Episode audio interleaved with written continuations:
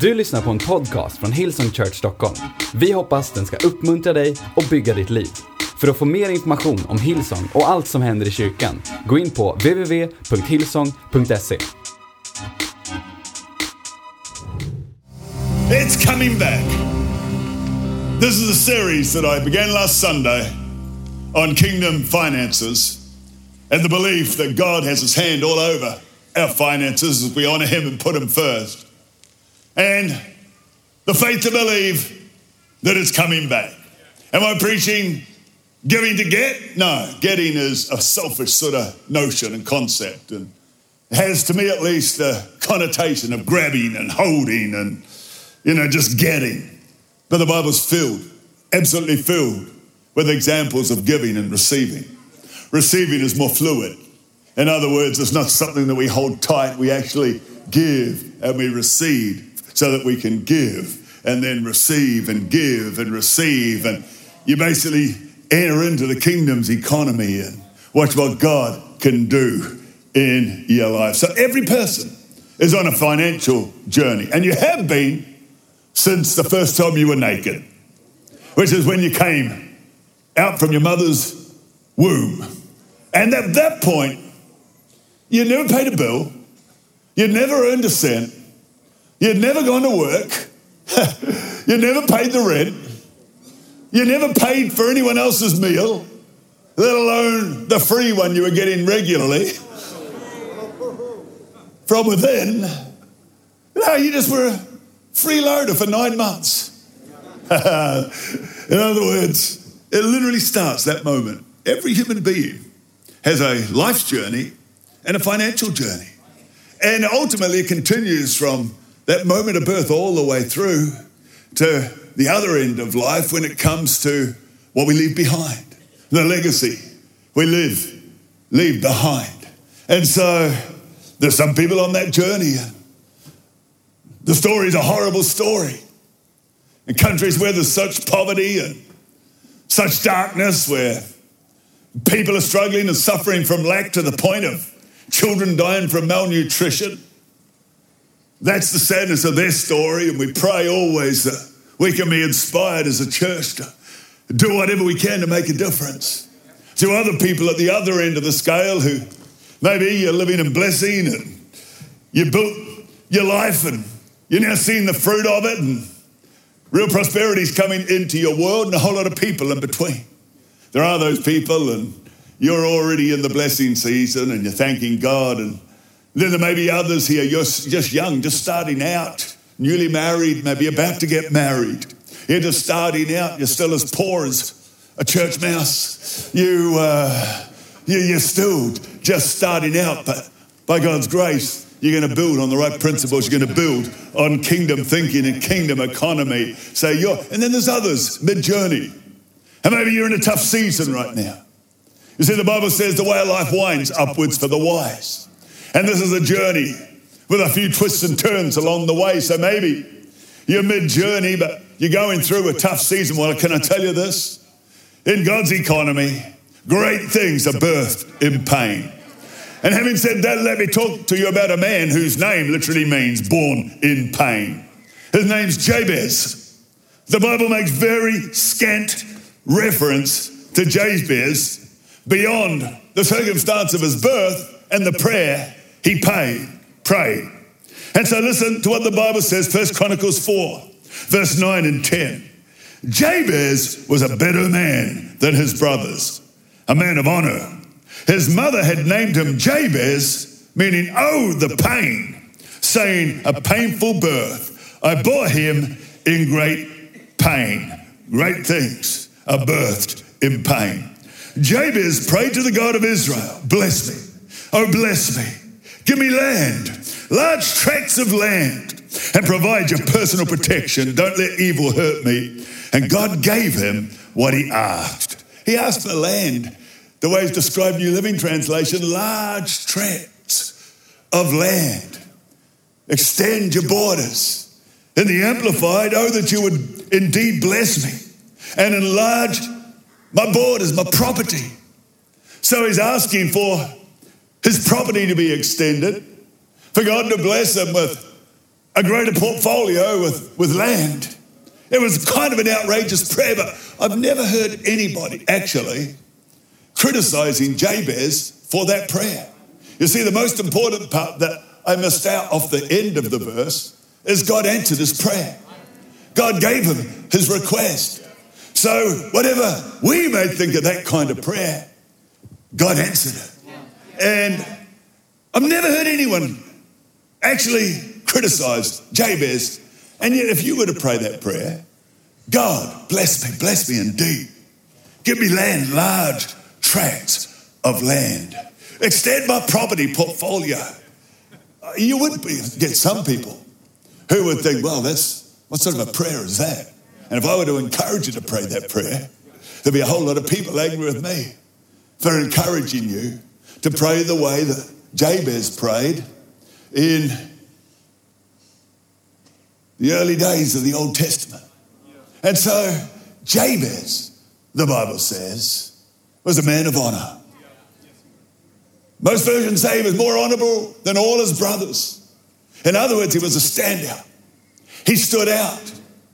And one thing I can tell you about honor is that for a believer, it starts with God. We honor God. And I believe for us to live honorably, it's important that we know how to honor God. And the most physical way you can honor God is in giving to Him and giving to His kingdom and supporting the work of the Lord and supporting the ministry where God has positioned you. And so listen to it. He was a man more honorable than his brothers. And in Proverbs chapter 3, verse 9, it tells us honor the Lord with your possessions and with the first fruits of all your increase. So your barns will be filled with plenty and your vats will overflow with new wine, whatever those barns and those vats represent in your life. The prayer is that you will be filled with plenty and that you will overflow with new wine. But it all starts with honor. Jabez was a man of honor. Honoring God, it shouldn't be something that we feel like, oh, it's an obligation. It shouldn't bring a heaviness into our spirit. There's all this putting God first, all this, you know, first fruits. No, no, it shouldn't feel. It actually should be something that's exciting because you're triggering kingdom principles. You're triggering the purposes of God in your life. And so there should be something that is actually exciting. And the Bible is filled, absolutely filled with examples. No matter which way you talk about giving, filled with examples of how it's going to come back to you. Just like this. When you honor the Lord, it's going to come back to you. You don't disagree with me unless you want to disagree with what the word says. And so listen to it. It's coming back. And we're not wanting to get, we're wanting to receive because I know through someone whose heart is in the right place and is generous and put God's first, that receiving is always ultimately only going to be about better equipped for even greater giving in Jesus' name. And, and you live in the blessing of God as well. And say, I mean, giving. The Bible says, given, it will be given to you pressed down, shaken together. Will He add into your bosom? God will add into your life over and over. The Bible says, ask and keep on asking, and it will be given to you. Another verse seek and you'll find, knock, the door will be opened. The Bible's full of promise. This is the confidence we have in Him that if we ask anything, He is the writer according to His will. God's will is God's bill. If we ask anything according to his will, he hears us. And if we know he hears us, we know we have the petitions, the requests that we ask of him. So there's many scriptures about giving and it coming back. What about sowing? There's never been a farmer, certainly not a smart one, who has ever planted crop in a field and after having sown it, looked back and said, Look, I really don't want anything back. I just want to bless the field. Of course, the idea of sowing is reaping, and it's an eternal principle. And in fact, it's one of the four things that we're told will not cease as long as the earth is here. It's called the principle of seed time and harvest. And listen to Genesis 8, verse 22. While the earth remains, seed time and harvest. It's the first one there. While the earth remains, seed time, harvest, cold and heat, winter and summer, day and night shall not cease. And so it's established. As a person sows, that shall they also reap. It's coming back. When it comes to helping the poor, and we have that opportunity often to make a difference in the life of needy people or impoverished people. And the Bible has so many great promises, multiple promises, where it talks about when you give to the poor, what you trigger. The Bible says if you give to the poor, you lend to the Lord. I think that's really cool. And then it says, and he will repay you. But think about that. You give to the poor, but it's like you've lent it to God, and God pays his debts, that's for sure. And so a loan, there's an expectation it's coming back. But when God repays, I'm pretty sure that loan is going to come with good interest on it. good interest. Oh, come on now. Come on. Thank God for the three people in the front row. what is this? Is this the 11:15 a.m. service? Man, you guys are so quiet. I thought it must have been the 8 a.m. service. Are you sure you're alive down here? Anyone alive? You alive? Just checking, checking. Here, let me see. Yeah, I think I can detect a faint pulse there somewhere. He's one of our pastors. yeah, are you good? Everyone happy? Feeling free? Yeah? Don't look away. I saw you. I saw you. I saw you thinking, please don't choose me. Please don't choose me. I saw you. Fantastic. What an awesome guy you are. Is that just the light or is this phone pink? It's just the light. Oh, it's just the light. Good. Okay.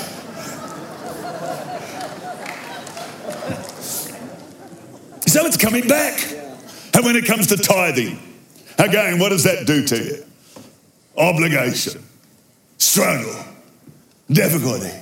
But the Spirit of God, when He talks about tithing, which is established well before the law, never ever believe it was just part of the Old Testament law. It was established well before that. But listen, don't ever see it like that, where it's just a stressful obligation. The Spirit of God talking about it in Malachi is, I dare you. I dare you. I dare you. And that's why I'm saying, I dare you.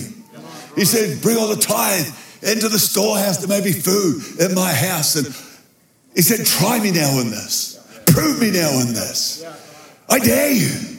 Try me. See if I'll not open windows of heaven, pour out such blessing, there will not be room enough to receive it. I'll rebuke the devourer uh, for your behalf, for your sake, and the nations will call you blessed. I love that idea of God going to battle against the devil for you.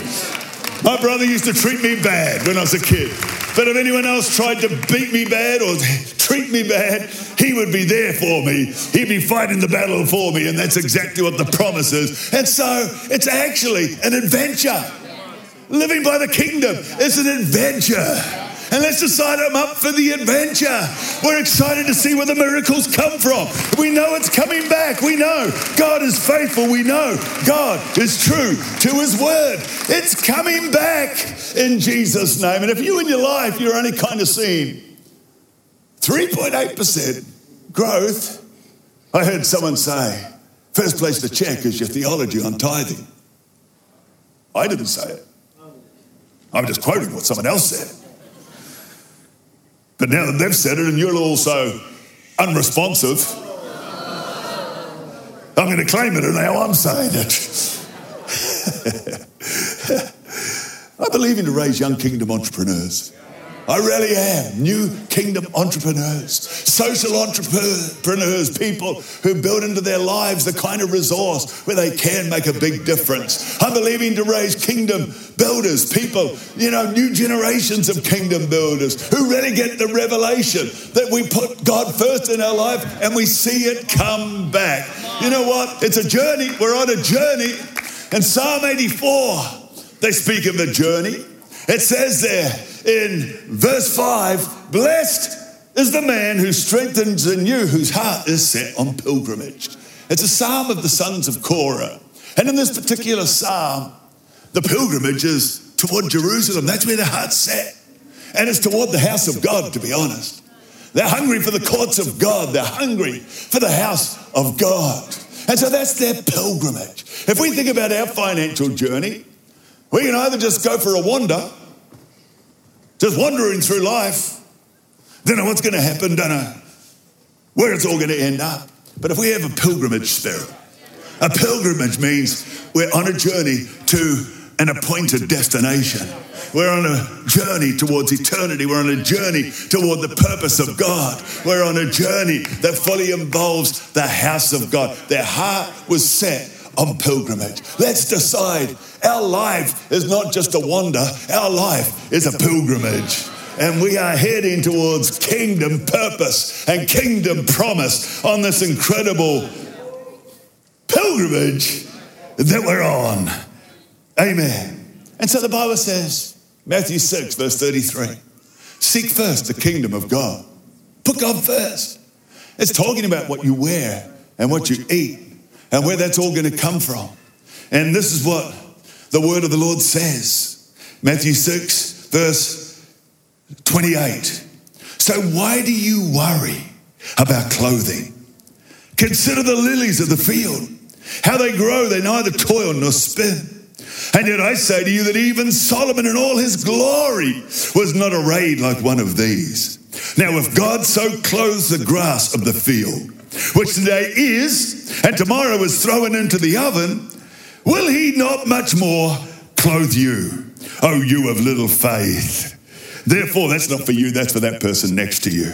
Oh, you of little faith. Therefore, do not worry, saying, What shall we eat? Or what shall we drink? Or what shall we wear? For after all these things the Gentiles seek. For your heavenly Father knows that you need these things. But, but, and it's an anointed but, but seek first the kingdom of God and his righteousness and all these things shall be added to you. Now, I think we mostly, if we hear that, okay, God first, we think in terms of putting God first. But the Bible doesn't say put God first, it says seek God first. And the difference in the original words is quite dynamic and quite stark. You see, if you put God first, He's in the lineup of perhaps your priorities. You say, okay, God's first. And then second is the new couch. And then third, we don't just need food for the table, we need a table. And so fourth is paying the kids' school fees, and fifth is to get the rust fixed in the car. And, uh, you know, we could go on and on and on. But that's not actually the picture the Bible paints. It's a totally different picture. You see, seek first the kingdom of God. That word is a word of desperation, it's a word of absolute commitment to honoring God and putting Him first. It's like a striving towards, it's a craving for, it's a longing for. And so the real spirit of it isn't, well, God and then this, then this, then this. No, it's like God, God. I'm longing for you. I'm craving for you. I just want you. This stuff doesn't matter as long as I have you. That's the spirit of it in the original Greek. But then what happens? You actually tap in to a spiritual possibility. And you find that divinely, supernaturally, all these other things that you didn't even make a priority are added back to you. That's the spirit of that verse. It's all God. God first, God second, God third.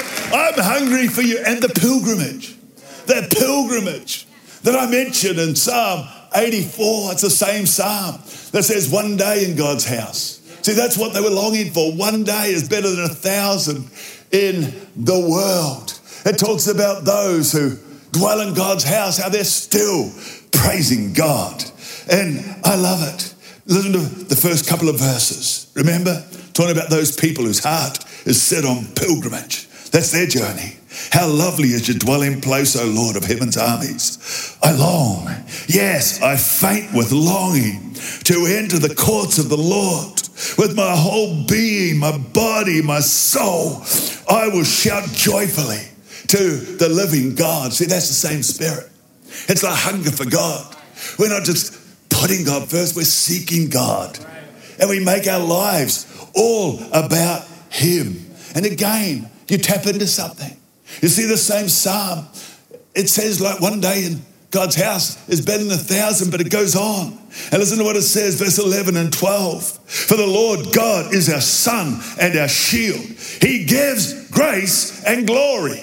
Moses asked to see God's goodness. And the Bible says the first time his grace passed by. He asked for goodness and saw grace. A couple verses later, he's still asking to see God's goodness and God's glory goes by. You see, God's grace and God's glory are his goodness. So he's really saying here, I think, he gives us goodness upon goodness, the favor of God. The Lord will withhold. Listen, listen. To those whose heart is set on pilgrimage, to those who are honoring God and seeking Him first, they're longing for Him. It says, Listen, for he gives us grace and glory. The Lord will withhold no good thing from those who do what is right. For who? Those who do what is right. He'll withhold no good thing. And listen, O Lord of heaven's armies, the Bible says, what joy for those who trust in you. And at finances, as believers, that's what it is. It's a trust issue.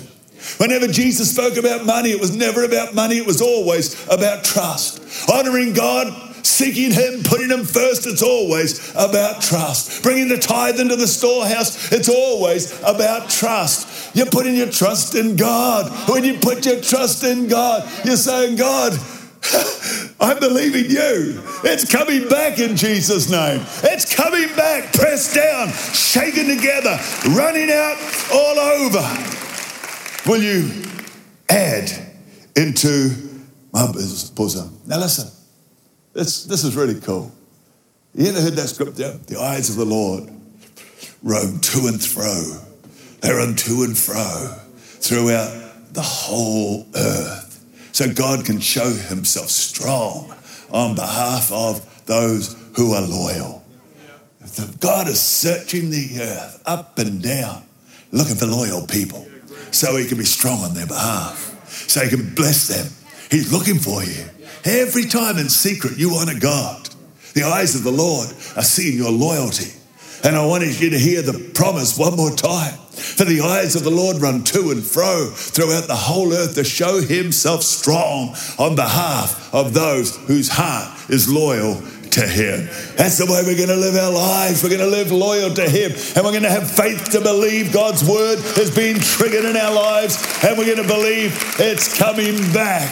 It is coming back. I want everybody, if you would, to find a way, starting today or tomorrow, a journal about your financial journey, your pilgrimage, and just start recording the blessing God brings as you trust Him and put Him first in your life. I want to prophesy 2019 into the lives of people of our church. I believe in Jesus' name what the devil has tried to rob you of, he's tried to devour what the Bible describes as the locust and cankerworm eating.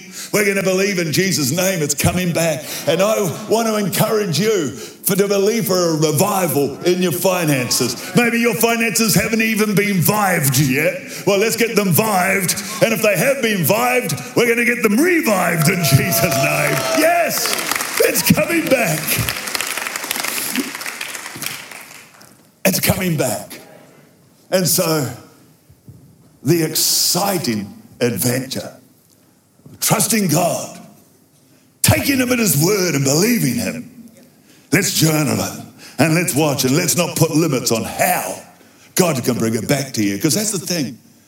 We're humans and we tend to think, well, I did this, and so if that's true, God's got to do this. And maybe we see God as one dimensional, but He's not one dimensional, He's not three dimensional, He is multi dimensional. In other words, there's just no telling how God is going to bring it back into your life. And there's so many different ways that I personally have seen God bring His purpose and His promise back into Bobbie's and my life. So many different ways. And so I want to give you a few of those. And the first is this I believe it's coming back through spiritual discernment.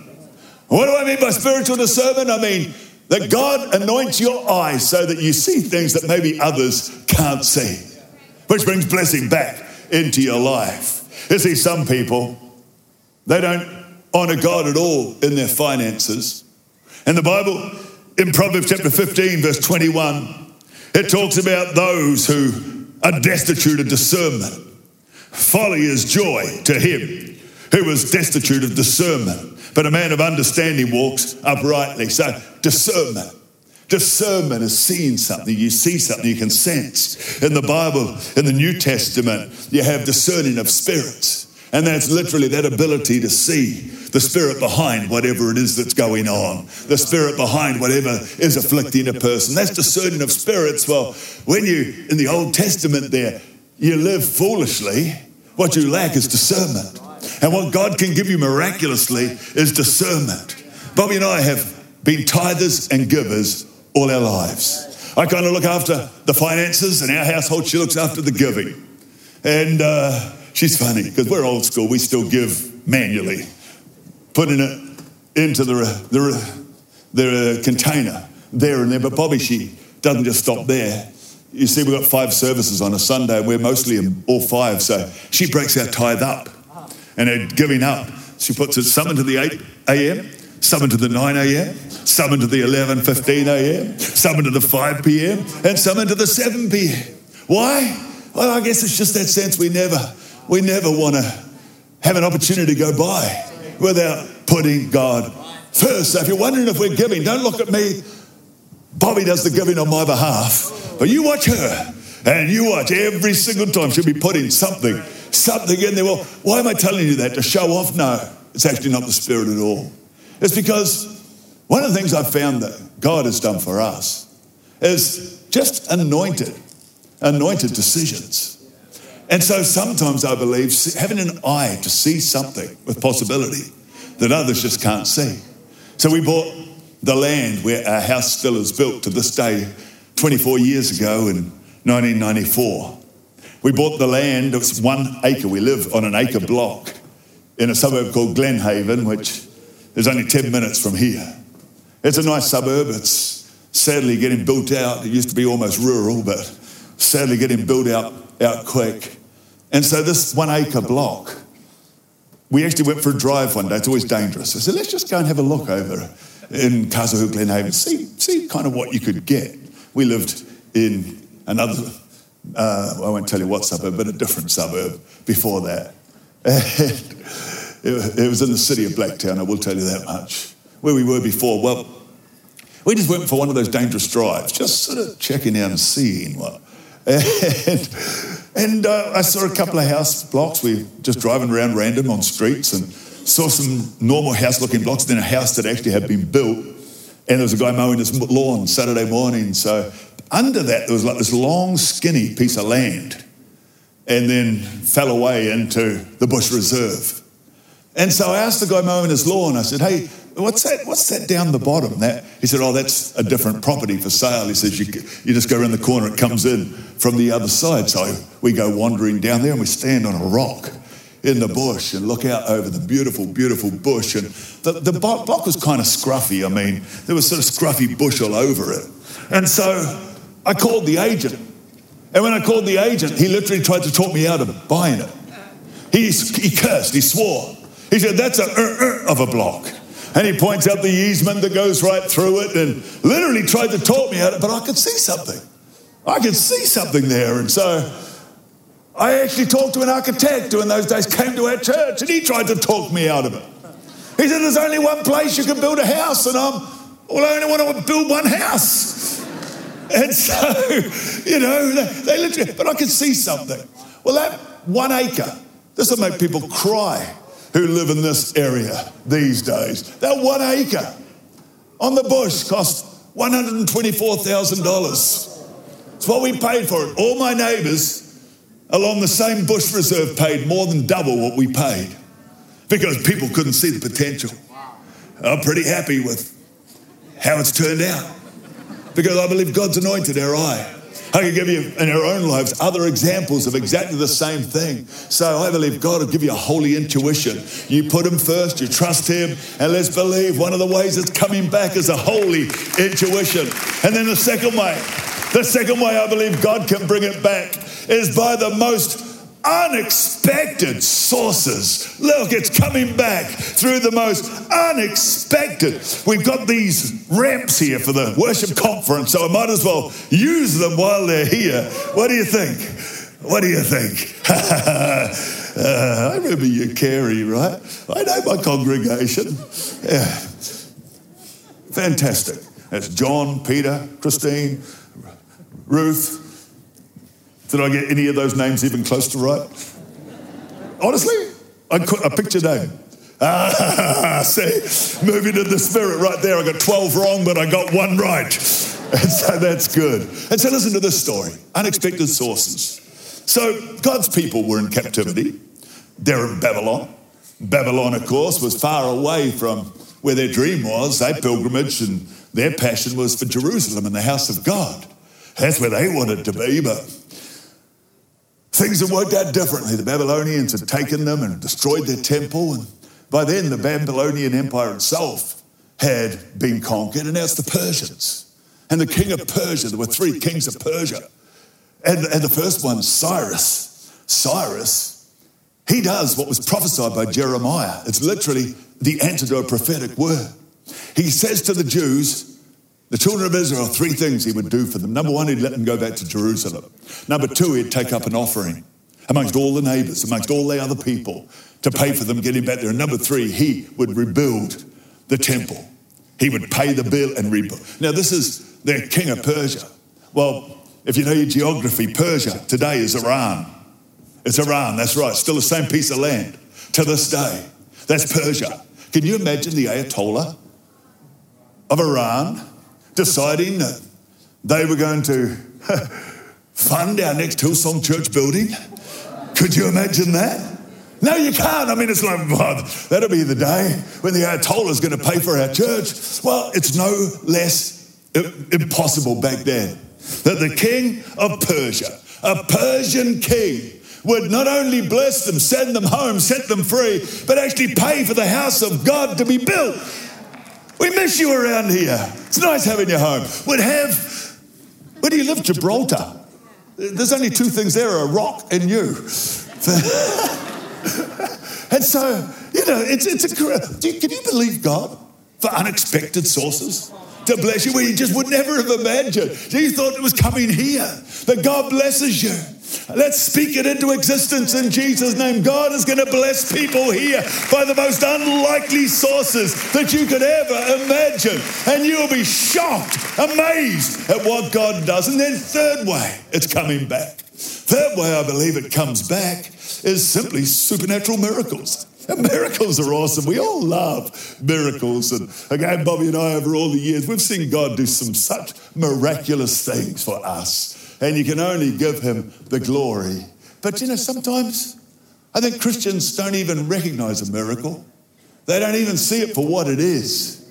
And this is why the Bible says, forget not all his benefits. See, start with the little ones. How do you see the big miracles in your finances? Start with the little ones. In Psalm 68, verse 19, blessed be the Lord who daily, who daily loads us so, not just one little drip loads us with benefits. The God of our salvation, Selah. Stop and think about that. Selah, who daily. Why don't you start writing down in a journal, starting today or tomorrow and into especially 2019, start recording daily the little blessings that come your way. Something you think, oh, that's not just God, it's just, hey, give God the glory. Write it down. The little things, the tiny things. You'll be amazed at what God's doing for you. It'll stretch your faith and get you excited because it's the same God who can do the big things, who is working in your life in the little things. So let's start. Let's start daily, daily recording the blessing of God. His benefits are his blessings. Psalm 103, verse 2 Bless the Lord, O my soul, and forget not all his benefits. You know, that's just a little thing. It's a blessing of God, it's a kingdom benefit. Bless the Lord and forget not all his benefits. Psalm 116, verse 12. What shall I give to God? What shall I render to the Lord? What shall I offer him for all his benefits toward me? You see, that's what triggers our giving is just an awareness of God's goodness and his blessing toward us. What could I ever give to God? You can't outgive God, you know. You can't outgive him. You never come second by putting God first. And so it goes on. In verse 14, after asking in the New Living Translation, What can I offer the Lord for all he has done for me? And then I will keep my promises to the Lord in the presence of all his people. When are we in the presence of all his people? Well, these days it's church, isn't it? That's we're in the presence of all his people. And that's what the psalmist is declaring. He's declaring that I, I will always keep to the promises I made to God. I will always keep them with an expectation. I'm going to see his benefits, his blessing working in my life. So that's a third way. What other ways does God bless? Hey, I think he blesses consistency. You just turning up, keep on turning up. Being faithful, being loyal. There'll be lots of people who have been through a divorce, which I think is always painful. Been through a divorce, and so you would identify you certainly don't get divorced for financial. It's not a financial decision because uh, people lose and everyone gets hurt in a divorce. And if one person did actually do incredibly well financially, it means someone else lost badly. So I'm not talking about divorce, and I'm not even talking about the past at all, but I am talking about the power of consistency and how just consistency turns into blessing. And you see how God, you've been faithful, you've been faithful, you've been faithful, and you see how God takes consistency and turns it into blessing. And then, number six, five, it's coming back through the paying off of debt, actually reducing your debt. You see, debt stifles you, chokes you, takes away from your ability sometimes to be free, to have priorities that you want to have. And I'm believing for God to strongly reduce the debt in people's lives. And this man here, his name is Daniel Purdy Smith. Daniel has been a businessman, but he's just at the moment winding his business down because he's got a new job working for us. His dad also is a very successful businessman.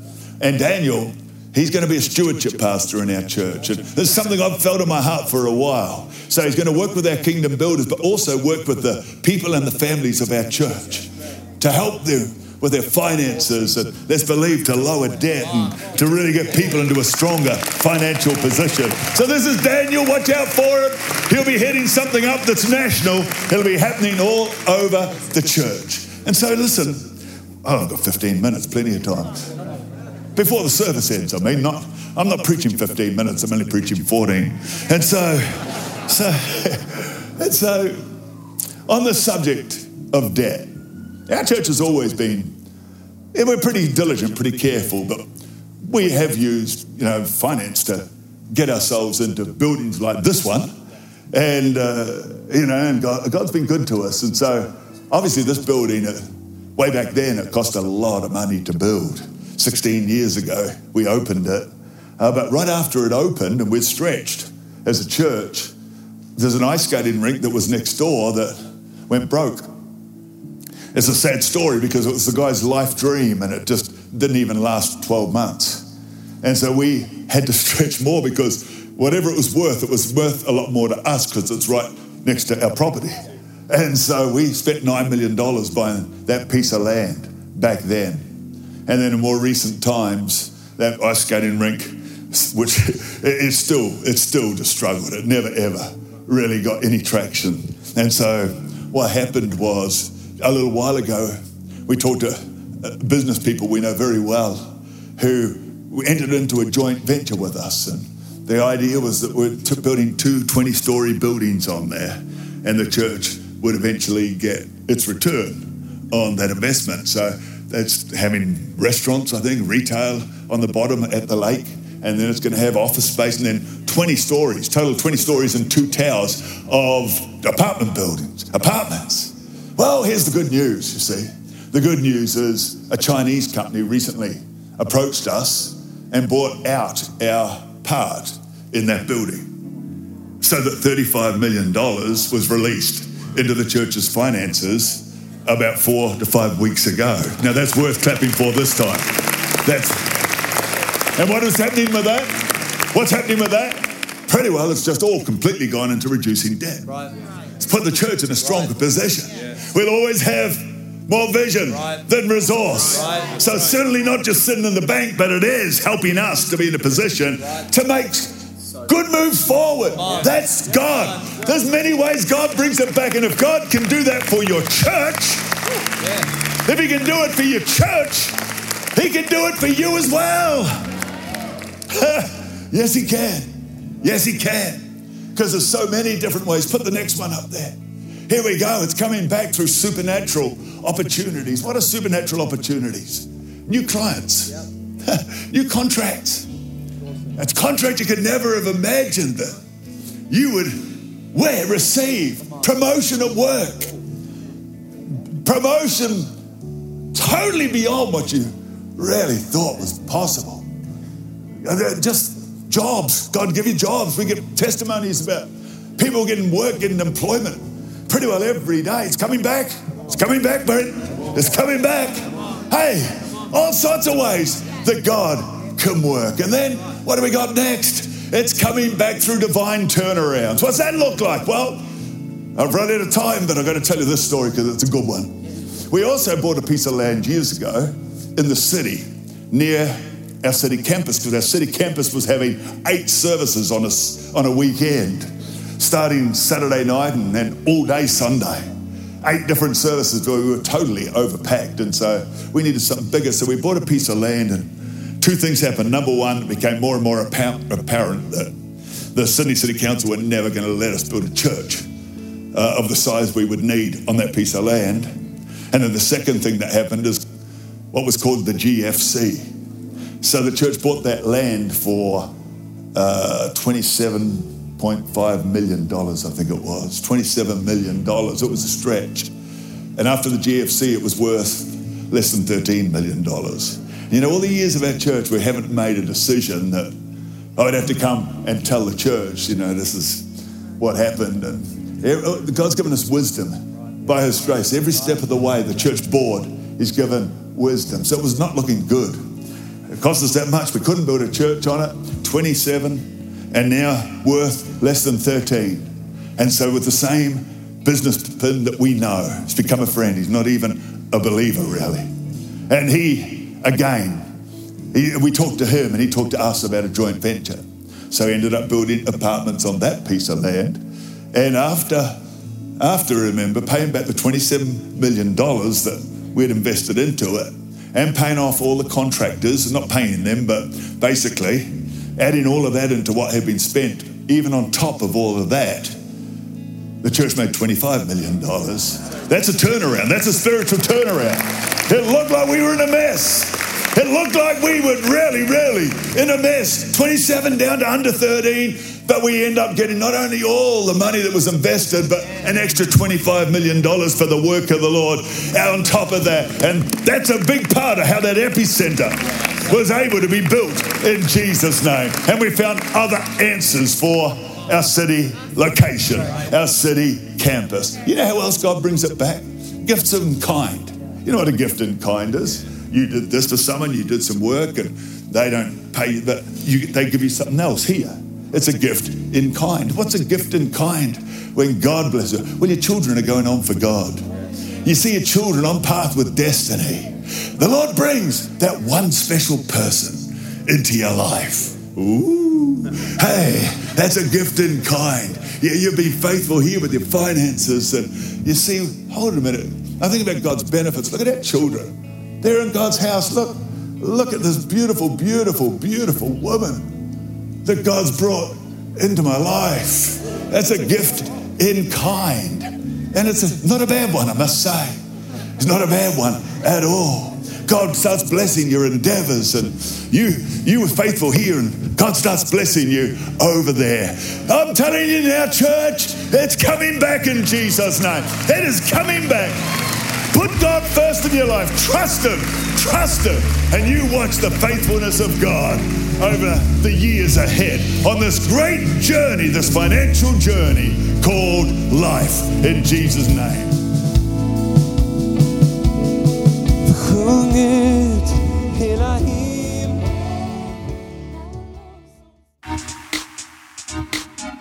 Du har lyssnat till en podcast från Hillsong Church Stockholm. Om du vill veta mer om vår kyrka eller om våra söndagsmöten, surfa in på www.hillsong.se.